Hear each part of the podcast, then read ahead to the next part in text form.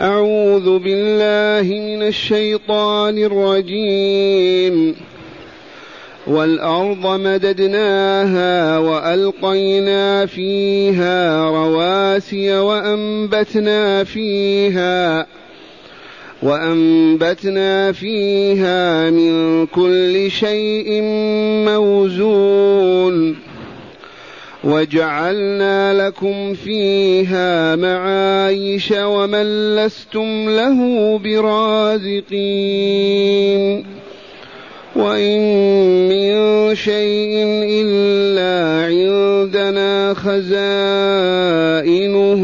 وما ننزله إلا بقدر معلوم. وأرسلنا الرياح لواقح فأنزلنا من السماء ماء فأسقيناكموه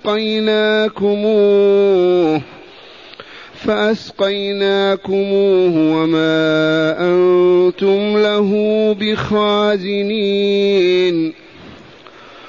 وإنا لنحن نحيي ونميت ونحن الوارثون ولقد علمنا المستقدمين منكم ولقد علمنا المستأخرين وإن ربك هو يحشرهم إنه حكيم عليم. سبحان الله أحسنت. معاشر المستمعين والمستمعات من المؤمنين والمؤمنات هذا الحديث هذا الكلام من صاحبه؟ من تكلم به؟ لا جواب إلا الله فقط. اذا الله موجود حي قيوم. هذا كلامه حواه كتابه. على من نزل هذا الكلام؟ على محمد بن عبد الله. اذا هو والله لرسول الله. فمحمد رسول الله. وهذا الكلام كله يقرر المبادئ الثلاثة. أنه لا إله إلا الله. وبالأمس قلت والله الذي لا إله غيره لو يجتمع عقلاء البشرية على اختلاف علومهم وفهومهم وما هم عليه لن يستطيعوا أن ينقضوا هذه الجملة أي يبطلونها. لا بإبطالها بالكل بالكلية بأن يقولوا لا إله ولا بأن يثبتوا أن هناك إلها مع الله. الجملة لا إله إلا الله. كما تقول لأخيك لا درهم عندي. إلا كذا وكذا. لا إله في الأكوان يستحق أن يعبد إلا الله. فلا تنقض بكونه الله غير موجود. وهذا كلام الهابطين عميان لاصق بالأرض شر الخليقة. وما قالت البشرية هذا في عصورها ودهورها أبدا إلا يوم الشيوعية الحمراء التي أنشأتها الماسونية اليهودية. وإذا من ينفي وجود الله وهو موجود؟ من أوجدك أنت؟ لم يبق إلا أن تقول الله أو تقول أمي. أمك من أوجدها.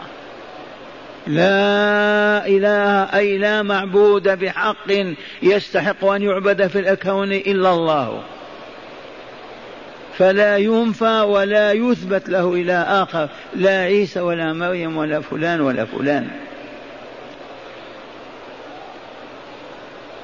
قال تعالى والأرض مددناها. هذه آياته هذه قدراته هذه مع علومه هذه رحمته هذه حكمته من القائل والأرض مددناها؟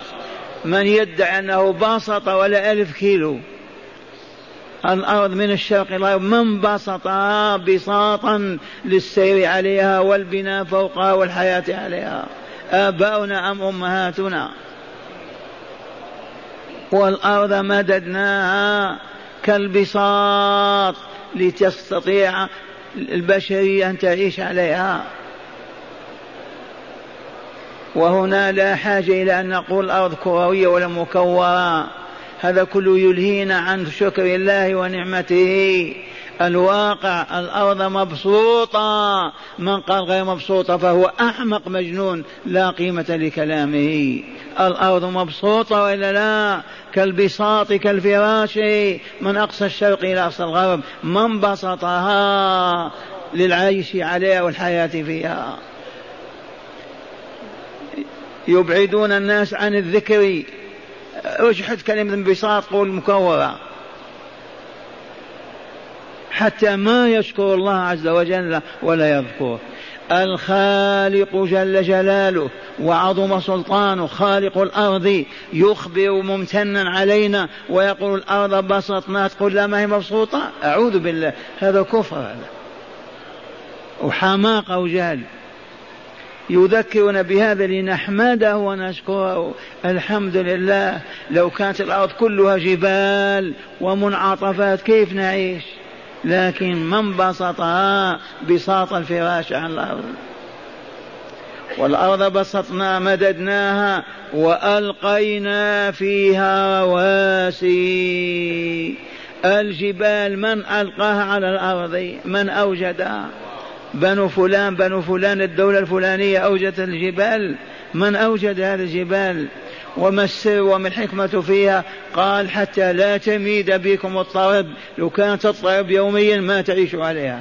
لكن ثبتها بهذه الدعائم القواعد الركائز التي هي الجبال والجبال أرساها من يتكلم مع الله في هذا؟ لا أحد. هو وحده يخبر بالواقع. والأرض مددناها وألقينا فيها رواسي وأنبتنا فيها من كل شيء موزون. أنبت في الأرض ما أنبت من هذه النعم الخضروات والفواكه وكل ذلك وهي بمقادير موزونة. ما فيه أبدا زيادة ولا نقص كما وزها الله تكون. ولو بسط الله رزق لعباده لبغوا في الأرض ولكن ينزل بقدر ما يشاء. كما أن الجبال فيها ما شاء الله الذهب والفضة والحديد والنحاس و كذلك موجودة في الجبال. لا توزن. ثم يقول تعالى بعد هذا وإن من شيء ما من شيء. إلا عندنا خزائنه ما من شيء يعرف في الكون إلا وخزائنه وخزانة عند الله. ما عندكم يا بني الناس؟ وما ننزله إلا بقدر معلوم. تجاوزنا آية. لا بأس. نعود إليها.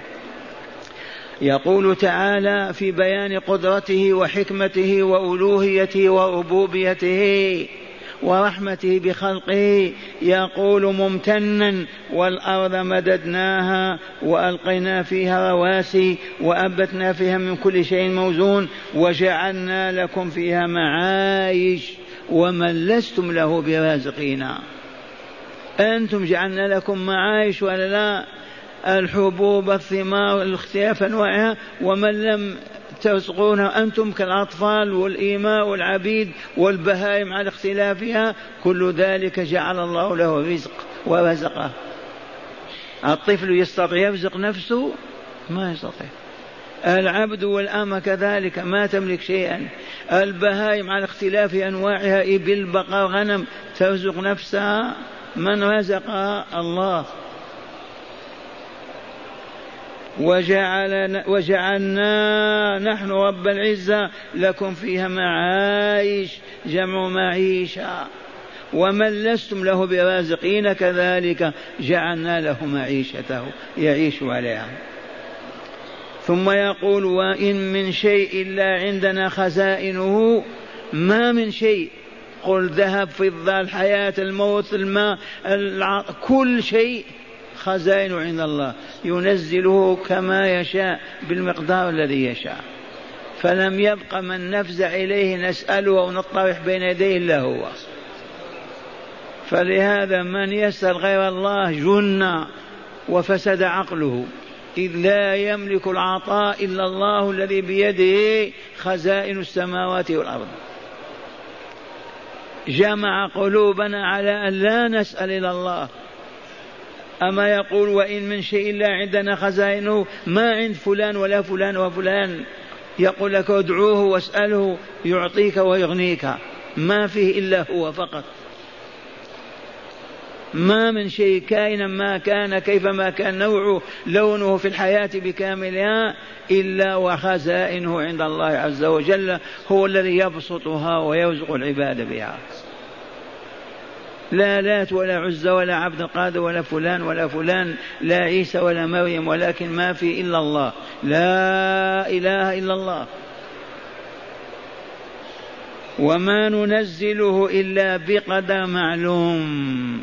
الماء من السماء والله موزون. ما ينزل المطر إلا بكمية معلومة عند الله. أنواع الأطعمة أنواع الأشربة كل موجود هو موزون بمقادير. ما في فوضى أبدا. ثم يقول مخبرا عن جلاله وكماله ووجوب عبادته وحده وأرسلنا الرياح لواقح من يرسل الرياح؟ أمريكا وإلى الصين. من يحرك الرياح هذه؟ كيف تتكون وتتجمد المياه وكيف تتبخر وكيف وكيف؟ من يفعل هذا غير الله؟ إذا فوالله لا يعبد بحق إلا الله. وأرسلنا الرياح لواقح تنقل اللقاح من شجرة إلى شجرة. تلقح السحب حتى تحمل المطر ولولا الرياح ما كان السحاب يحمل مطرا. الرياح على اختلافها صبا ودبور وشمال وكذا هي التي تلقح السحب. وأرسلنا الرياح لواقح وأنزلنا من السماء ماء.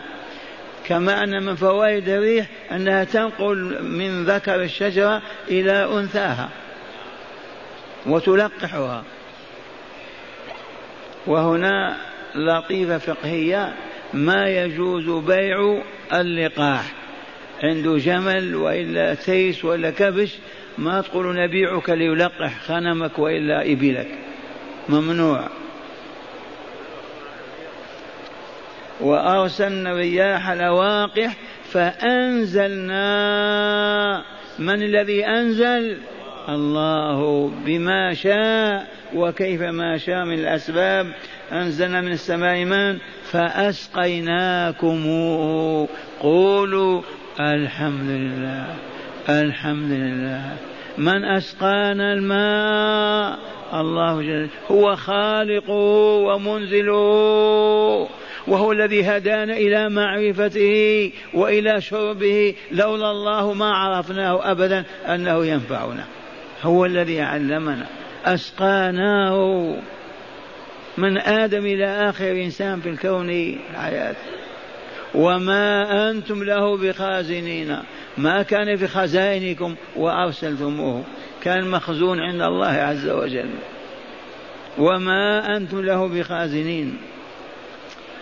ثم قال تعالى وإنا لنحيي وإنا لنح وإنا, وإنا لنحن نحيي ونميت ونحن الوارثون. هذا خبر عظيم وإلا لا؟ وإنا أي رب العزه والجلال كما الله لنحن نحيي من أرادنا إحياءه ونميت من اردنا موته ونحن الوارثون. من أوجد آدم وأحياه من أو من أمات آدم وأفناه تلك الأجيال وتلك الأمم كلها من أحياه ومن أماتها؟ الله هو الذي يحيي ويميت وهو الوارث للخلق كلهم. البشرية كلها أجيال ماتت وإلا من أوجدها من أماتها. ونحن الآن وارثون وإلا لا؟ وارثون لمن سبق وسنورث أيضا بعد أيام نموت ونورث. ومن الوارث لنا هو الله عز وجل. ما فيه إله أبدا مع الله.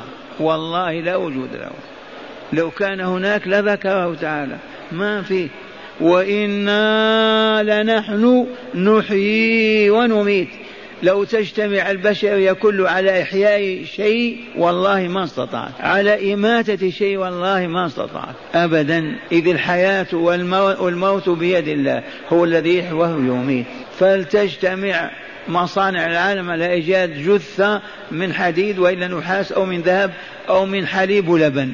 ينفخون فيها روح تحيا؟ مستحيل. إذا ما أراد الله أن يموت الشخص ما زال أجله والله ما يقتلونه ما يسخرون لقتله ولا يأتون إليه حتى يموت بأجله.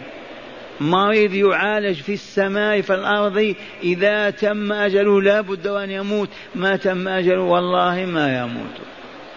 لمن الحياة والموت هو الذي يحيي ويميت. إذا ما بقي من نناديه يا أعطيني وافعلني وافعل بي كذا وكذا. ما في إلا الله. حقا لا إله إلا الله. وإنا لنحن نحيي ونميت إلى يوم القيامة. جيل بعد جيل. ونحن وارثون للبشرية كلها والخليقة.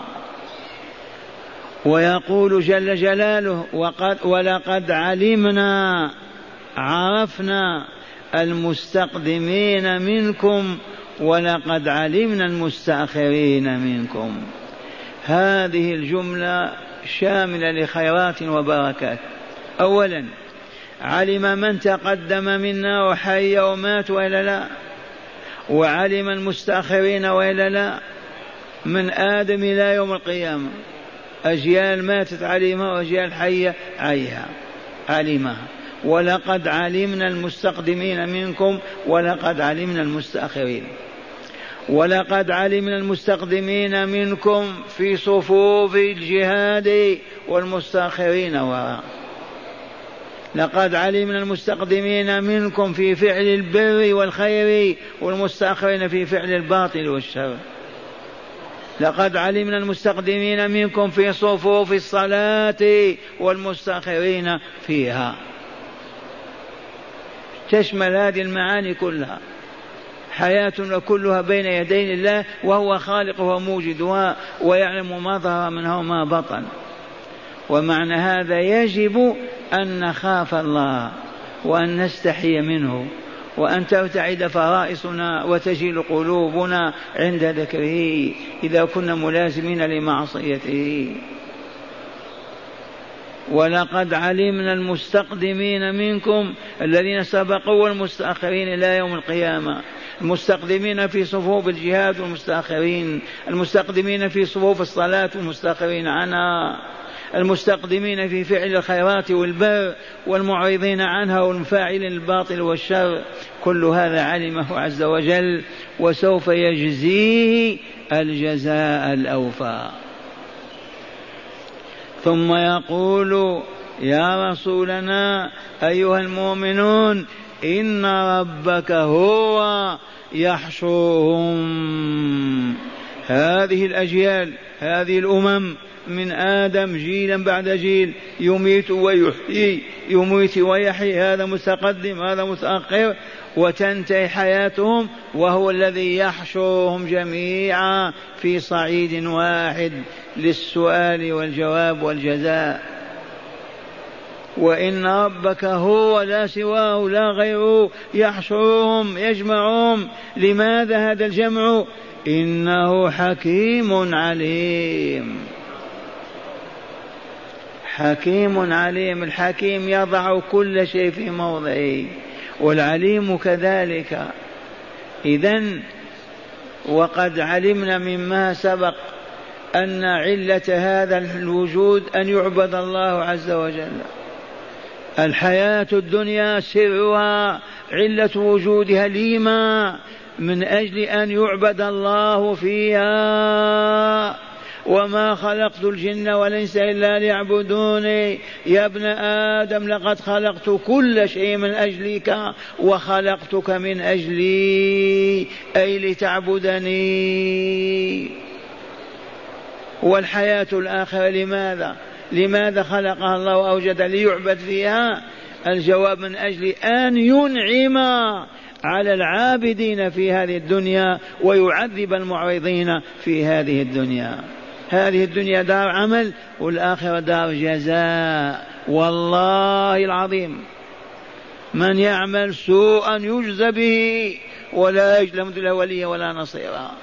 اعملوا فسيرى الله عملكم.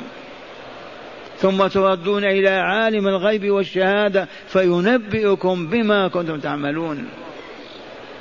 وإن ربك هو جل جلاله وعظم سلطانه يحشرهم في صعيد واحد على أرض بيضاء نقية لأجل السؤال والجواب والميزان ثم بعد ذلك الجزاء إما بالنعيم المقيم في دار السلام الجنة دار الأبرار وإما في دار البوار النار وجهنم وبئس المصير. وتنتهي هذه الحياة. معاشر المستمعين أسمعكم شرح الآيات من الكتاب. ما زال السياق في ذكر مظاهر قدرة الله وعلمه وحكمته ورحمته. ذبابة فقط بعوضة تتجلى فيها قدرة الله وحكمته وعلمه ورحمته. فكيف بالخلائق كلها؟ قال وهي موجبات الإيمان به وعبادته وتوحيده والتقرب إليه بفعل محابه وترك مساقطه ومكارهه ما زال السياق في ذكر مظاهر قدرة الله وعلاماتها ومظاهر علمه وحكمته ورحمته وهذه موجبات الإيمان به وعبادته وتوحيده والتقرب إليه بفعل ما يحب وترك ما يكره ويسخط. قوله تعالى والأرض مددناها أي بسطناها. من يرفع يقول لا لا لا ما هي مبسوطة كورة.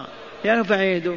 التكوير ما رأيناه والبسط رأيناه. نؤمن بما رأيناه ونكذب ما رأيناه. مجانين نحن إذا أسألكم بالله.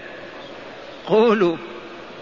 الذي ما رأيناه أبدا نؤمن به والذي رأيناه ما نؤمن به. هذا جنون.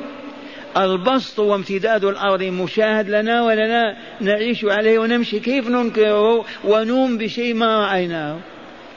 وقد قلت لكم لطيفة وهي أن علماء المادة عملوا ما استطاعوا في أن ينتزعوا عقيدة الإيمان من قلوب البشر. والله العظيم.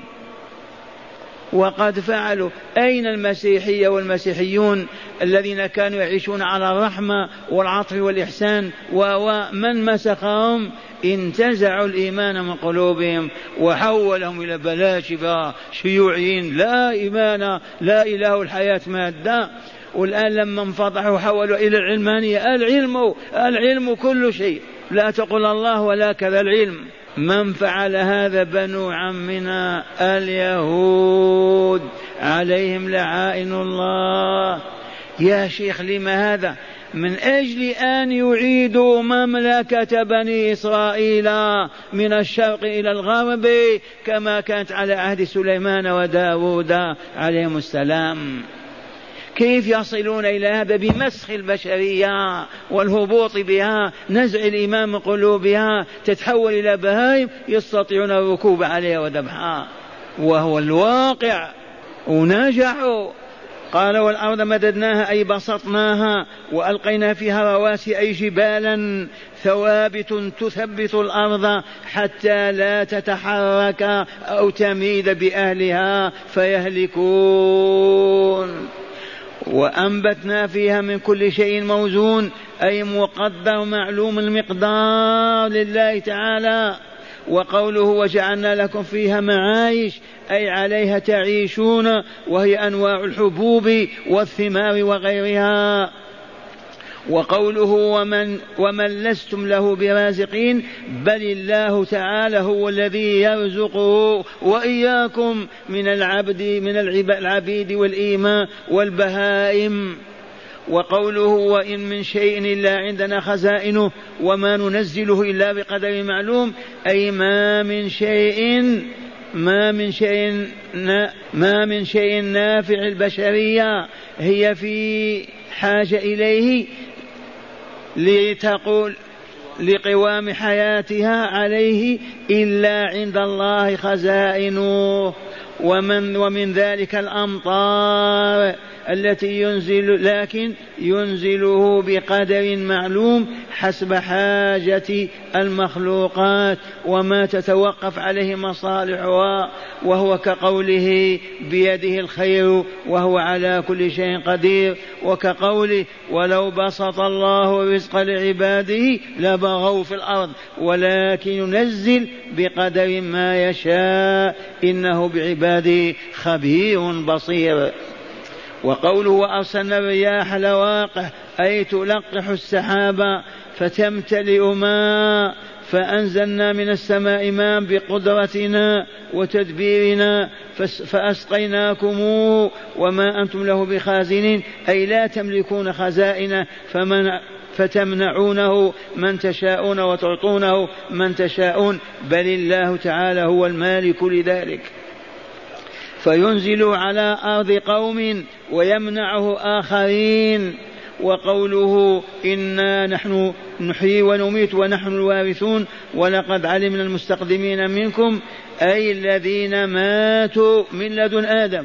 ولقد علمنا المستأخرين ممن هم أحياء ومن لم يحيوا وسيحيون ويموتون إلى يوم القيامة. الجميع علمه الجميع علمهم الله وغيره لا يعلم لا يعلم فلذا استحق العبادة وغيره لا يستحقها. وقوله وإن ربك أيها الرسول هو يحشرهم إليه يوم القيامة ليحاسبهم ويجزيهم. وهذا متوقف على القدرة والحكمة والعلم. والذي أحياهم ثم أماتهم قادر على إحيائهم مرة أخرى. والذي علم والذي علمهم قبل خلقهم وعلمهم بعد خلقهم قادر على حشرهم والحكيم الذي يضع كل شيء في موضعه.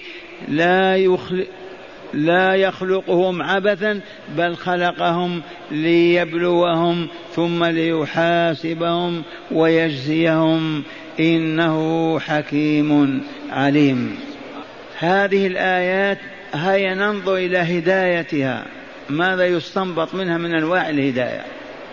قال اولا بيان مظاهر قدرة الله وعلمه وحكمته ورحمته المتجلية فيما يلي. بيان المظاهر جمع مظهر حيث يعرض الشيء.